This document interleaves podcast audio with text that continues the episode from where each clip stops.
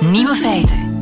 Dag, dit is de podcast van Nieuwe Feiten van woensdag 20 februari 2019. In het nieuws vandaag dat er binnenkort in Australië mensen rondrijden met een smiley op hun nummerplaat.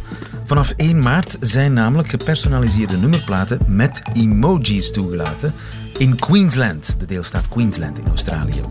Voor 300 euro kunt u kiezen tussen vijf emojis: de knipoog, de zonnebril, de hartjesogen, de smiley en de laughing out loud emoji, die met tranen van het lachen. Je zal maar door zo'n leukert omvergereden worden. De andere nieuwe feiten vandaag. Commissievoorzitter Jonker heeft het helemaal gehad met Orbán, die uit de EVP moet volgens Jonker. Maar of dat ook zal gebeuren, grote vraag. Het Vaticaan geeft toe dat er geheime richtlijnen bestaan voor priesters die een kind verwekken. Het anti-snopfestival Burning Man in Amerika is helemaal snop geworden. En een nieuw reisbureau biedt vakanties aan op een containerschip. De nieuwe feiten van Otto Jan Ham hoort u in zijn middagjournaal. Veel plezier. Nieuwe feiten. Juncker wil Orbán uit de EVP zetten. Hendrik Vos, goedemiddag. Goedemiddag, lieven. Je bent professor Europa in Gent. Ja, het stopt ergens, hè, kennelijk, ook voor Juncker. Wat is er gebeurd? Wat, wat heeft de Hongaarse premier nu weer gedaan? Wel, hij heeft een campagne gestart waarbij dat Juncker werd afgeschilderd als iemand die staatsgevaarlijk is voor Hongarije en ja, die uh, op vlak van migratie vooral allerlei dwaze plannen zou hebben en zou de intentie hebben om Hongarije te laten overspoelen door vluchtelingen. En goed, hij voert daar campagne mee. Hij denkt dat hij daarmee in zijn eigen land populairder wordt door zo'n soort ja, externe vijand dan te hebben. Maar dat is bij Juncker nu toch echt wel in het verkeerde keelgat geschoten. En, en je, je voelt dat de reactie van Juncker toch wel een stuk giftiger en bijtender en, en venijniger is dan ze in het verleden misschien wel was als dit soort van incidenten zich voordeden. Dus kennelijk heeft uh, Orbán uh, aan de Hongaren verteld dat uh, de miljardair Soros samen met Juncker onder één hoedje speelt om Hongarije te laten overspoelen met migranten. Commissie-vicevoorzitter Timmermans zegt het zou een goede grap zijn mocht het niet zo ernstig en treurig zijn. Ja, precies. Hè, want het is een campagne die Orbán al een hele tijd voert. Hè. Hij, uh, probeert kritiek te hebben op alles wat uit Brussel komt. En altijd opnieuw met dat argument dat men vanuit Brussel, vanuit die Europese Unie, pogingen aan het doen is op, op allerlei manieren, vanuit andere partijen, vanuit uh, andere lidstaten ook, om Hongarije te laten ja, overspoelen door moslims. En, en dat is zijn grote probleem. En goed, hoe, hoe absurd dat, dat dat idee ook is. Hè. Er is niemand in de Europese Unie die daar ook maar enig plan in die richting heeft, maar hij lijkt daarmee weg te komen en, en hij lijkt het gevoel te hebben dat hij daardoor in eigen land populairder wordt, net door zich dan zo af te zetten tegen Brussel en Europa en ja, nu ook die leidende figuren uit Europa, dus nu ook Juncker. Maar gaat het ook gebeuren? Juncker zegt hij moet eruit uit de EVP, want ja, die zitten in, in één partij, gek genoeg, die twee kemphanen. Zal het ook gebeuren? Zullen ze hem eruit zetten? De kans dat zij hem er nu heel snel zullen uitzetten lijkt mij niet zo groot, omdat ja, hij, die, die, die Orbán heeft binnen die Europese Volkspartij tot op vandaag ook nog wel een aantal vrienden. Er zijn toch nog wel een aantal uh, christendemocraten, eh, bijvoorbeeld uit, uit Beieren, die toch wel wat sympathie hebben. En je hebt ook een groep christendemocraten die zeggen van, kijk, op, op deze manier, het is misschien een lastige nonkel die, die soms uh, heel vervelende dingen doet, maar door hem in de partij te houden, blijven we wel on speaking terms. En als we hem nu straks loslaten en we zetten hem uit de partij, dan wordt dat misschien een ongeleid projectiel die, die nog veel gekkere dingen gaat doen. Dus door ermee ja, te blijven samenzitten rond de tafel, proberen we ja, hem ook wat te matigen. Maar goed, als je dan kijkt naar de uitspraken en de campagnes die hij nu voert, moet je wel afvragen of dat een gelukte strategie is. Ja, want is er ook geen sprake van politiek opportunisme? Ze hebben natuurlijk ook de steun van Orbán nodig om dat gigantische machtsblok te blijven vormen. Ja, precies. Dat speelt natuurlijk altijd wel mee. Zo'n uh, een grote machtspartij als de Europese Volkspartij, die, ja, die kan het zich niet veroorloven of die wil het zich niet veroorloven om te veel ja, zitjes te verliezen. En, en uh, de partij van Orbán die heeft niet eens zoveel zitjes, maar het ziet er naar uit in de volgende Europese verkiezingen binnen enkele maanden dat die Europese Volkspartij toch wel verlies zal leiden. En ja, dan is het alle hens aan dek en dan probeert men, zelfs al gaat het maar om een handvol zetels, probeert men die toch ja, als het even kan aan boord te houden. En, en daar is men blijkbaar bereid om uh, ja, daar dan heel ver in te gaan en, en, heel wat uh, te slikken. Ja, want die uh, Manfred Weber, die toch van de CSU is, van die Beierse Christendemocraten, die zou graag Juncker opvolgen. Dan heeft hij toch ook de steun nodig van Hongarije. Ja, hij, hij, hoopt om inderdaad, ja, zeker in zijn eigen politieke familie en dus ook tot op dit moment van uh, Orbán, van, daar steun voor, van te krijgen. He, Orbán zit ook in die vergadering van de staats- en regeringsleiders, dus het is voor Manfred Weber wel belangrijk dat hij ook op dat niveau wel, wel steun heeft. En Manfred Weber, daarvan zegt iedereen al heel lang van dat is, dat is de bruggenbouwer. Dat is iemand die probeert om, om altijd alles en iedereen zoveel mogelijk aan boord te houden, met elkaar te verbinden en ja, het, het bouwen van in het geval van Manfred Weber, gaat ook heel duidelijk in de richting van ja, Viktor Orban en, en zijn uh, ja, toch wel heel eurosceptische en eurokritische uh, partijgenoten die hij, ja, die, die hij toch altijd mee aan boord probeert te houden. Waarom doet Orban dit? Wil hij niet het liefst uit de partij gekegeld worden? Ik denk dat Orbán in alle omstandigheden kan winnen. Hè. Ofwel speelt hij nu uh, zodanig hard en wordt hij uit de partij gekegeld. En, en dan gaat hij in zijn eigen land kunnen zeggen van kijk, voilà, ik ben echt op ramkoers gekomen, maar ik sta voor Hongarije en ik heb daar een hoge prijs voor betaald. Maar uh, ik, ik probeer de belangen van Hongarije altijd te, uh, te, te, te verdedigen. Ofwel houden ze hem in de partij en dan zal Orbán zeggen van kijk eens hoeveel macht ik eigenlijk heb en hoe belangrijk en hoe onmisbaar ik ben, want op deze manier, kijk, ze, ze zijn niet bereid om mij eruit te zetten, dus ze willen wel dat, dat ik bij, bij hen blijf. Ja. En ook dat kan zijn populariteit binnenlands wel, wel doen stijgen. Dus wat, wat er ook gebeurt, hè, door, door echt op ramkoers te raken, of, ofwel breekt het, of, ofwel ja, plooit, uh, al is het maar tijdelijk die Europese Volkspartij toch nog een keer, maar, maar Orbán wint er altijd bij. Ja, en als hij blijft, ja, dan schuift de EVP de facto een beetje naar rechts op. Ja, maar je, ziet dat die andere partijen zich niet noodzakelijk onmiddellijk helemaal laten beïnvloeden door zo'n partij als die van Orbán. Hè. Die, die, bij ons de Christen-Democraten, de Ivo Belets en de Tom van de Kendelaars, die, die op dit moment in het Europees Parlement zitten voor CD&V. Ik denk niet dat die zich laten intimideren door zo iemand als Viktor Orbán. En ik denk dat dat bij vele andere Christen-Democraten ook niet het geval is. Maar je ziet wel dat um, ja, in, in Oost-Europese landen, in sommige Zuid-Europese landen of Midden-Europese landen dat uh, ja, christendemocraten wel zijn opgeschoven naar rechts. Dat, dat heeft niet per se uh, iets te maken met die, die positie van, van Viktor Orban, maar met de vaststelling van dat, dat er daar een aantal thema's liggen waar kiezers te halen zijn. En, en die maken wel dat een aantal christendemocraten in de loop van de voorbije periode sowieso naar rechts zijn beginnen schuiven. Commissievoorzitter Juncker wil Orban uit de EVP zetten, maar dat zal niet zo snel gebeuren, denkt uh, Hendrik Vos. Dankjewel. Goedemiddag. Graag gedaan, tot later. Nieuwe feiten. Altijd benieuwd. Wat te doen in geval van vaderschap? Het Vaticaan geeft toe dat er een geheim document bestaat met richtlijnen voor priesters tja, die per ongeluk een kind hebben gekregen. Rick Torfs, goedemiddag. Goedemiddag. Professor Kerkelijk Recht, een geheim document is het, maar het bestaan ervan is nu toch toegegeven door een woordvoerder van het Vaticaan. Wist jij ervan? Nee, ik weet wel natuurlijk dat het probleem uh, bestaat en dat ook in het verleden bisdommen bijvoorbeeld uh, geld hebben uitgekeerd aan kinderen van priesters. Uh, ik ken daar een aantal historische voorbeelden van, ook al van uh, vrij lang geleden.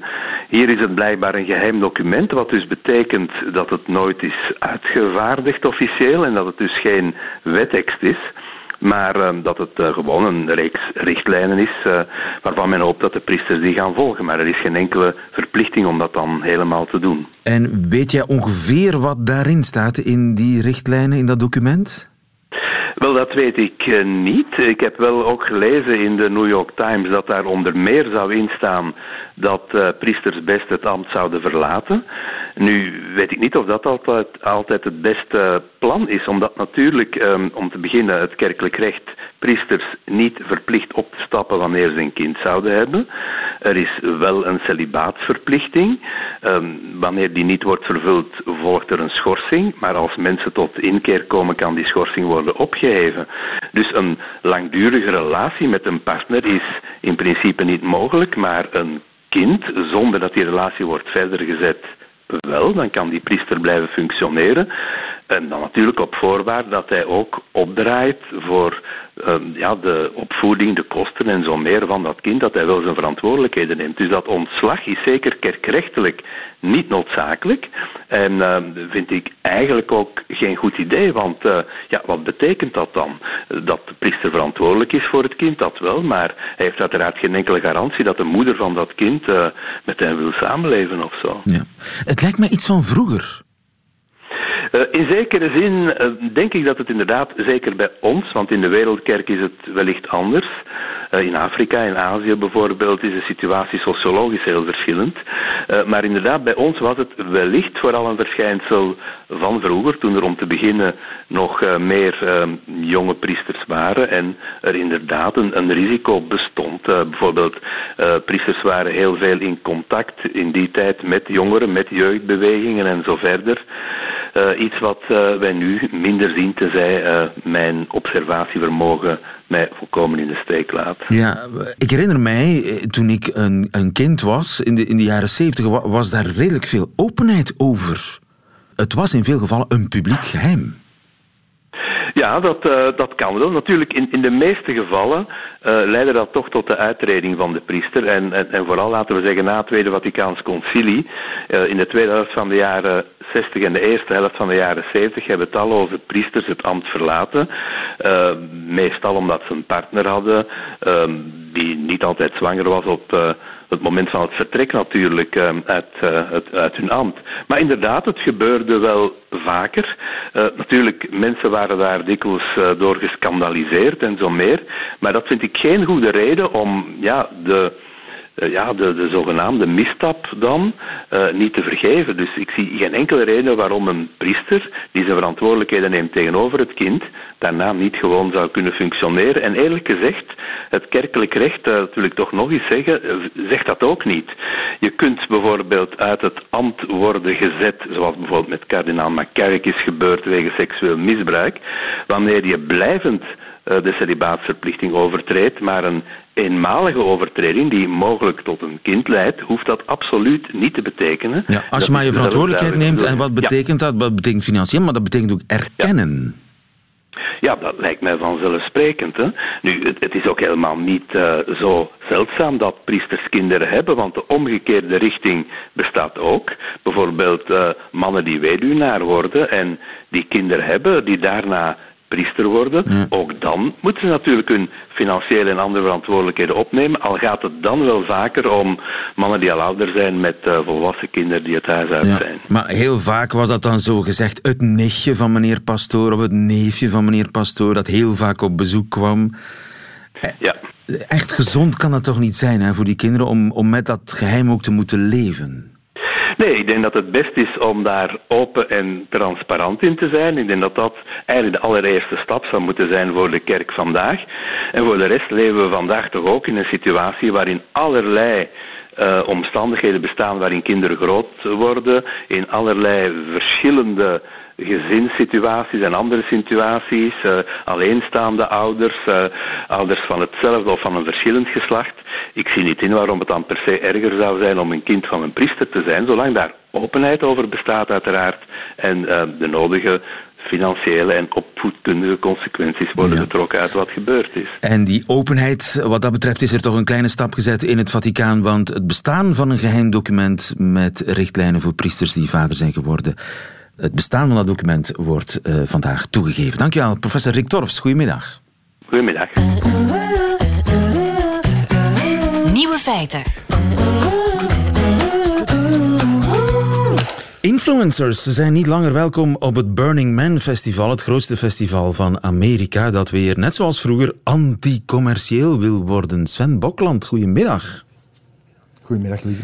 Sven Bokland, jij bent onze man eh, in Los Angeles, in L.A. En jij bent er meerdere keren geweest, hè? Op Burning, fan, op Burning eh, Man. Ben je een grote fan? Uh, ja, het is, het is een, uh, een nogal indrukwekkende bedoeling, maar heel veel werk. Dus ik ga elke paar jaar, ik kan, me dat echt, ik kan dat echt niet aan om elk jaar te gaan. Het is echt veel te vermoeiend. Het is, het is te vermoeiend, het is hard werken. Want ja, luxe is anders, hè? Het is niet luxe.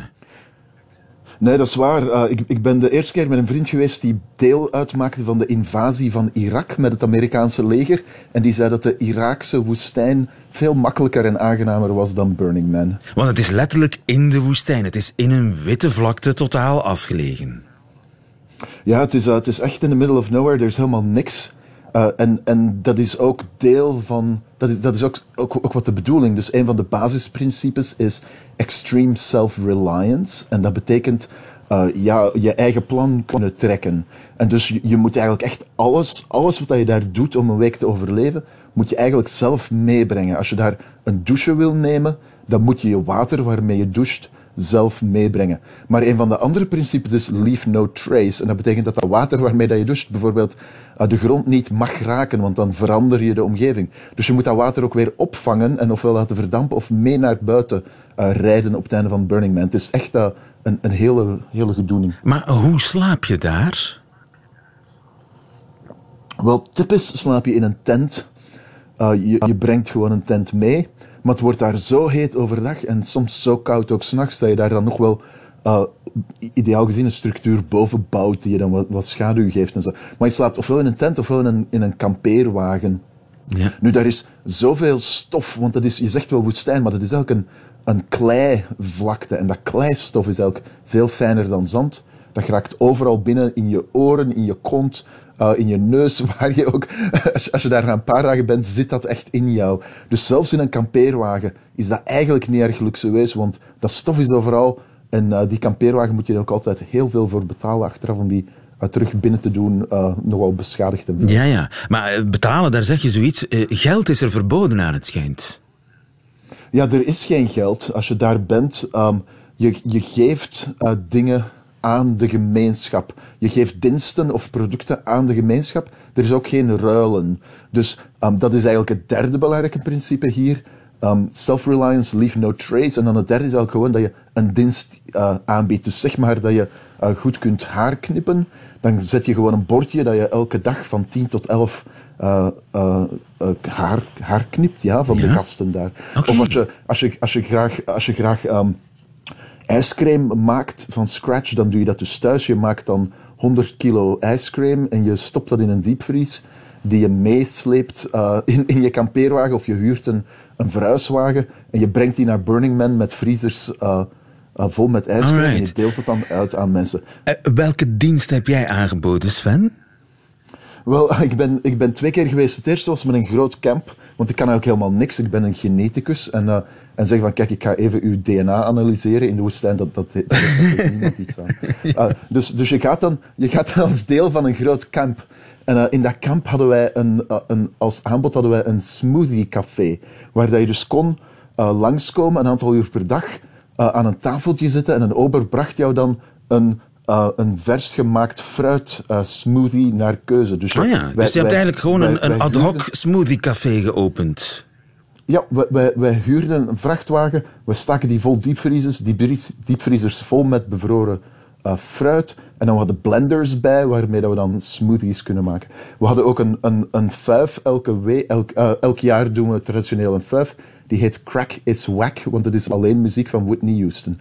En dan, dan brengen we alcohol mee en, en draaien luid Whitney Houston muziek en iedereen danst. Ja, dus, en dat dus mag. Dat zijn, je mag daar ook uh, gewoon een fuif geven. Voilà, en er zijn kampen die alleen maar fuiven geven. En er zijn kampen die, uh, die echt bijvoorbeeld ja, een homodiscotheek bouwen, bijvoorbeeld. En er zijn uh, kampen waarbij dat ze jou lessen geven in het een of het ander. Het is echt, alles wat je kan voorstellen, kan je daar doen. Ze bouwen een hele stad. Iedereen samen bouwt een stad die, die, die functioneert omdat iedereen een dienst levert. Ja, ja, het is vrijheid, blijheid, vrije expressie. Je mag uh, jezelf kleden zoals je wil, of helemaal niet kleden als je wil. Uh, je, je mag een, een toren bouwen van oude fietsen en streekproducten. En dat als, als kunstwerk presenteren aan, aan, aan de gemeenschap. Het is een soort alternatieve, ja. anticommerciële, anticapitalistische uh, gemeenschap bouwen in de woestijn. En toch is de commercie daar ingeslopen. Hoe is dat kunnen gebeuren? Wel, je, je kan uh, deel uitmaken, als je dat wil, van een plug-and-play camp. Plug-and-play betekent natuurlijk dat je ook gewoon maar uh, moet, moet opdagen en dat alles voor jou voorzien is. Je betaalt dan veel geld. Uh, dat kan tot, tot 100.000 dollar of zo kosten voor een mooie suite. En dan krijg je dus een gigantische luxueuze kampeerwagen voor jezelf alleen, waar dat je wel onbeperkt water hebt, waar je gewoon kan douchen en gewoon naar het toilet gaan en alles doen wat je wil. En eigenlijk moet je alleen maar opdagen en betalen. En dat, is, dat gaat natuurlijk in tegen die drie principes waar ik het al over had. Self-reliance natuurlijk helemaal niet, want iemand, iemand zorgt voor jou. Uh, leave no trace helemaal niet. Je doet gewoon wat je wilt. Uh, je eet en je, je, je, je, je, Ja. je, je produceert afval en iemand kuist dat op voor jou. Ja. En natuurlijk bied je dan ook heel, helemaal geen dienst aan, aan de gemeenschap. Je bent daar gewoon als consument om mooie foto's te maken en op je fiets rond te rijden en uh, een geweldige, ehm, ge- geweldige uh, verkleedpartijen. uh, Ja. te- Dus de, de superrijken die kwamen eventjes alternatief doen. Ja, en, en jij had het daar net in de inleiding over influencers. Dus dat, dat zie je natuurlijk wel de typische fantastische Instagram-foto's. Uh, maar het ging eigenlijk ook al heel lang over bijvoorbeeld de Silicon Valley ehm, rijken. Want er is natuurlijk heel veel geld in de San Francisco area. ehm, met, met Google en Apple en, en, en zo had elke grote dotcom daar. En, uh, en, en mensen die daar veel geld verdienen, die, die vliegen dus met een privévliegtuig naar Burning Man en, en slapen in zo'n plug-and-play camp en, en, Ja. uh, en, en komen daar maar voor een paar dagen in plaats van, al- als toerist, in Ja. plaats van deel te nemen aan de, de gemeenschap. Dus het anti-snopfeest wordt heel erg snop. De influencers komen er hun marktwaarde opkrikken. Dat moet maar eens afgelopen zijn, vindt de organisatie. Kondigt nu maatregelen aan. Weg met die plug-and-play kampen. Weg met die luxe tenten met airco. Weg met de peperdure VIP-kaarten. Goeie zaak, denk je? Ja, ik denk het wel, want het, het hele principe van het kamp is natuurlijk dat je elkaar in leven houdt voor een week.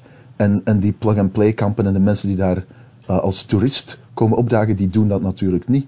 En, en dat is op zich eigenlijk geen probleem.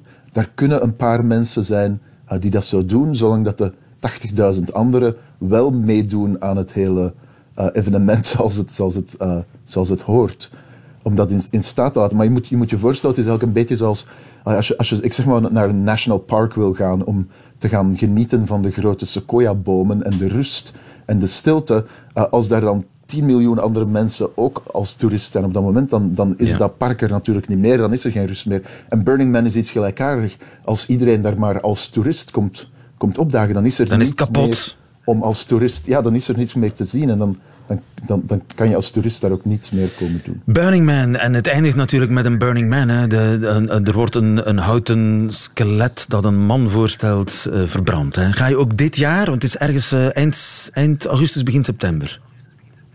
Ja, nee, ik ben, ik ben vorig jaar geweest. En zoals dat ik zei, ik- ik ga daar nog een paar jaar van moeten Ja, je moet- je moet voor ik dat opnieuw doe. Ja. Je wordt ook een dagje ouder. Sven Bokland, dank je wel vanuit L.A. Hij gaat terug slapen, want hij is speciaal voor u opgestaan, beste luisteraar. Dat is juist. ja.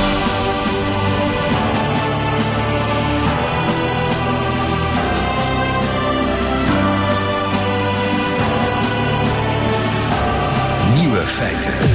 En ik heb nog een vakantietip voor u. Eh, misschien is dit iets. Eh, meevaren met een containerschip. Dag Joris. Goedemiddag. Joris van Bree, je bent oprichter van Kapitein Zeppos. En dat is een reisbureau dat mensen op een containerschip zet. Ja, wij willen van eh, begin april eh, atypische reizen aanbieden aan boord van vrachtschepen vanuit de haven van Antwerpen.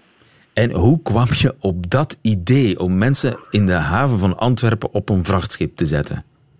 Ehm, ik was al fietsend op weg naar eh, het havendorp Lillo en zag daar een aantal vrachtschepen voorbij komen. En mijn nieuwsgierigheid eh, begon mijn brein aan het denken te zetten. Ehm, welke mensen zitten aan boord? Eh, waar gaat dat schip naartoe? Eh, hoe is het leven aan boord? Dat was eigenlijk de, de laatste vraag die ik mij stelde. En eh, vandaar dat ik ehm, ben beginnen zoeken hoe dat ik aan boord van zo'n vrachtschip kon, kon komen. En is dat gelukt? Dat is uiteindelijk gelukt. Vorige zomer is, heb ik een Duitse agency gevonden die bereid was mij aan boord te zetten van, van een vrachtschip. En na een bezoek eh, aan het Red Star Line Museum had ik, eh, heb, ik dan besloten om eh, een reis te maken van Antwerpen naar New York. Van Antwerpen naar New York, dat duurt drie Ja. weken. Zoiets. Ehm, dat is 14 dagen Ja. met haltes in Liverpool en Halifax in dit geval. En je zit dus twee weken op een schip. Heb je internet? Ehm, vanaf dat je de 15 mijlzone verlaat, valt het internet weg. Geen internet. Kan je bellen? Ehm, moeilijk. Maar dat is net het, het idee. De reis begint eigenlijk pas goed als je geen internetverbinding meer hebt. Dat is eigenlijk het belangrijkste. Je kan niet bellen en je hebt geen internet. Nee, waardoor dat je eigenlijk eh, geen prikkels van buitenuit krijgt. eh, social media detox. Ehm, en je hebt eigenlijk ja, ruimte voor tijd, noem ik het een beetje. Uh, Ruimte weg van voor- de massa. Tijd. Maar veel mensen om mee te praten zijn er niet, hè? Nee, eh, het aantal passagiers is beperkt tot 12. Eh, wij waren met zes. Eh, maar allemaal heel interessante mensen. Ehm, en ook de, met de crew kan je af en toe wel eens een praatje slagen. En, En leef je echt tussen de bemanning dan? Het meeste contact hadden wij met de kapitein, eerste officier en de mensen van de keuken natuurlijk. Met de rest van de crew iets minder. Ja. Maar de mensen waren zeer enthousiast eh, om, ons, om, om ons aan boord eh, te hebben. Ehm, ik noem hen, hen zo'n beetje de monniken van de zee. De monniken Eh, van de zee, zeg. En daar wil ja. je dan tussen zitten als monnik. Je wil twee, drie weken monnik worden. Je krijgt drie keer per dag te eten natuurlijk ook. Je eet wat de bemanning Ja. eet. Ehm, inderdaad, en dat is, dat is zeer lekker en, en, en meer dan voldoende. Ik denk dat ik een paar kilo ben bijgekomen. En ook essentieel, ehm, veiligheid is, is topprioriteit aan boord van een vrachtschip. Het eten staat eh, met stip op nummer twee. Ja, ja. En het getril van de motor? Ehm, eigenlijk weinig, eh, weinig last van gehad. Dat was ook wel iets wat ik ehm, zeer nieuwsgierig naar was. Maar je zit op een schip van, in mijn geval, van 300 meter lengte. Dus die trilling, die, eh, die voel je amper. Dus, En- eh, en- en ook en- het geluid is eh, eigenlijk ook geen, eh, geen last van. En heb je dan geen dipje op een gegeven moment, na, na een paar dagen, dat je denkt van hoe lang nog? Ehm, na zes dagen kom je jezelf tegen. Allee, in mijn geval. Hoe, gaat Ehm, dat jezelf tegenkomen? Ehm, dat is als, het, als de verwondering van het aan boord zijn een beetje tot een normaal pijl zakt. Ehm, en dat je jezelf thuis begint te voelen aan boord. Ehm, Hoe, begin je dat- jezelf te voelen? ah, dat je jezelf thuis begint te voelen. Thuis, oké. ja. Ja. Ehm, en ja, dan, eh, dan begin je over zaken na te denken. Hè, van, eh, wat heb ik in mijn leven al, eh, al gedaan? Wat wil ik nog doen? Wil ik in mijn geval ehm, voor eh, een job in loondienst verder gaan? Of eh, ga ik de sprong wagen als... eh, Je hebt de beslissing genomen om met kapitein Zeppos te beginnen aan boord van dat schip. Ja, ja, absoluut. Ik wou, ik wou ehm, toch een zekerheid inbouwen en ik wil- wou absoluut weten ehm, ja, hoe dat het is aan boord van een vrachtschip. En na een paar dagen was ik eh, 200% overtuigd dat, dat dit ja, uniek, authentiek, ehm, overweldigend is. eh, ja. Je bent letterlijk weg van de wereld. Eh, een Ja. Een goed boek lijkt me wel essentieel. Ehm, ik had eh, de Toverberg van Thomas Mann. Aha, de die- toverberg van Thomas Mann. Ideaal. Je zit op een drijvende toverberg eigenlijk. Ja, ik, ik had die al eens gelezen en ja, je herkent er heel veel in. Hè? Ja. Ehm, je, je gaat aan boord en je denkt van ja, weet je, bedoel, dit, zal wel, eh, dit gaan we wel even doen, maar eh, ja, na zes dagen, ehm, ja, dan, dan begint de reis pas echt. Hè? Ja, ja. En je hebt intussen contact met rederijen, die staan daar open voor passagiers. Ja, ik moet, ik moet zeggen, eh, in het buitenland bestond het al. Anders was ik er ook nooit aan begonnen, want ehm, ja, het is toch niet zo eenvoudig om die contacten te leggen met, met rederijen. Ehm, tot Ja. nu toe heb ik vier rederijen bereid gevonden, ehm, waar dat mij vanuit Antwerpen 37 handelsroutes ehm, Ja. ter beschikking stelt en wereldwijd 150. Het is een begin. Joris van Bree, dankjewel voor dit Ja. gesprek. Veel succes. Dat is heel graag gedaan. Dag. Fijne dag. Dag. Radio 1. Altijd benieuwd. Waarmee u alle nieuwe feiten gehad heeft van deze 20 februari. Behalve natuurlijk die in het leven van de man die het middagjournaal voor ons bijhoudt deze week. En dat is Otto Jan Ham. Nieuwe feiten. Middagjournaal. Beste luisteraar, dankzij de opwarming van de aarde, waardoor miljoenen mensen op deze planeet binnen afzienbare tijd zullen sterven, is deze jongen vandaag toch maar mooi met de fiets naar het werk gegaan. Het was alweer even geleden. Ik fiets erg graag, maar het is wel altijd een behoorlijk gedoe. Alleen al het zoeken naar mijn helm duurt elke keer een eeuwigheid. Maar verder hou ik van fietsen. Als je al die verschrikkelijke mensen die aan fietsen doen even wegdenkt, dan is het het mooiste wat er is. Vorig jaar heb ik nog met Eddy Merckx gefietst. Dat kwam zo. Ik maakte filmpjes voor een bandenfabrikant. Een schnabbel die niet alleen goed verdiende, maar ook nog een die mij verplichtte om een heel voorjaar te fietsen. Win-win, zeg maar.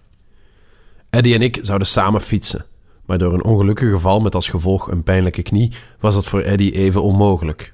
Ik geef toe dat ik twijfelde of Eddy wel echt gevallen was, of dat hij misschien gewoon geen zin had. Eddy Merckx heeft per slot van rekening wel genoeg gefietst in zijn leven, zou ik zo denken. Er werd een oplossing bedacht en die ging als volgt. Ik zou fietsen en Eddy zou mij volgen in de auto. En af en toe zou ik naast Eddy rijden en het met hem hebben over het belang van een goede fietsband. Want mensen, dat mogen we toch nooit onderschatten. Na een paar keer stond het erop. Toen de camera gestopt was met draaien, zei Eddy dat ik erg goed fietste. Eigenlijk, dat deed mij wel wat. Het blijft toch Eddy Merckx. Toen we na de opnames met mijn fiets op het dak samen terugreden, passeerden we een dikke wielertoerist op een te dure fiets. Volgens Eddy kon die ook erg goed fietsen, hetgeen wel wat afbreuk deed aan het eerder gemaakte compliment aan mijn adres. We reden nog vier fietsers voorbij en Eddy vond hardop dat ze allemaal erg goed fietsten. Ik besloot dat de valpartij van Eddy Merckx wel degelijk plaats had gevonden en mogelijk niet alleen zijn knie had beschadigd. Aangekomen bij zijn huis, waar mijn auto geparkeerd stond, vroeg Eddy of ik nog een stortbad wou nemen. Hij zei het echt, een stortbad. Ondanks het feit dat ik niet echt gezweet had, durfde ik geen nee te zeggen. Zeker niet tegen een stortbad. Ik liep achter hem aan tot in een badkamer naast zijn bureau. Die stond vol met bekers. Ik herkende de sierlijk gekrulde trofee van de Giro d'Italia en moest toch wel even slikken. Eddie vroeg of hij een servet moest brengen. Een servet, uiteraard.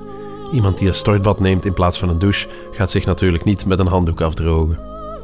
Onder het warme water van het stortbad werd ik ineens jaloers op mezelf. Wat een dag was me dit. En hoeveel mensen zouden er geen vinger hebben gegeven om onder de douche van Eddie Merckx te mogen staan?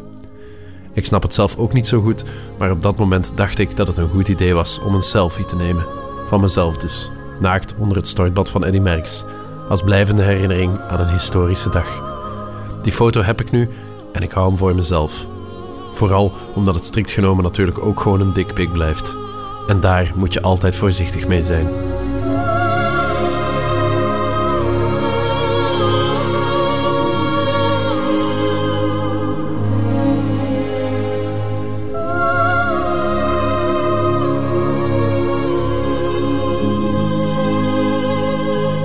Nieuwe feiten van Otto Jan Ham in zijn middagjournaal. Meteen het einde van deze podcast, maar u vindt er nog veel meer op radio1.be en op de gebruikelijke podcastkanalen. Tot volgende keer.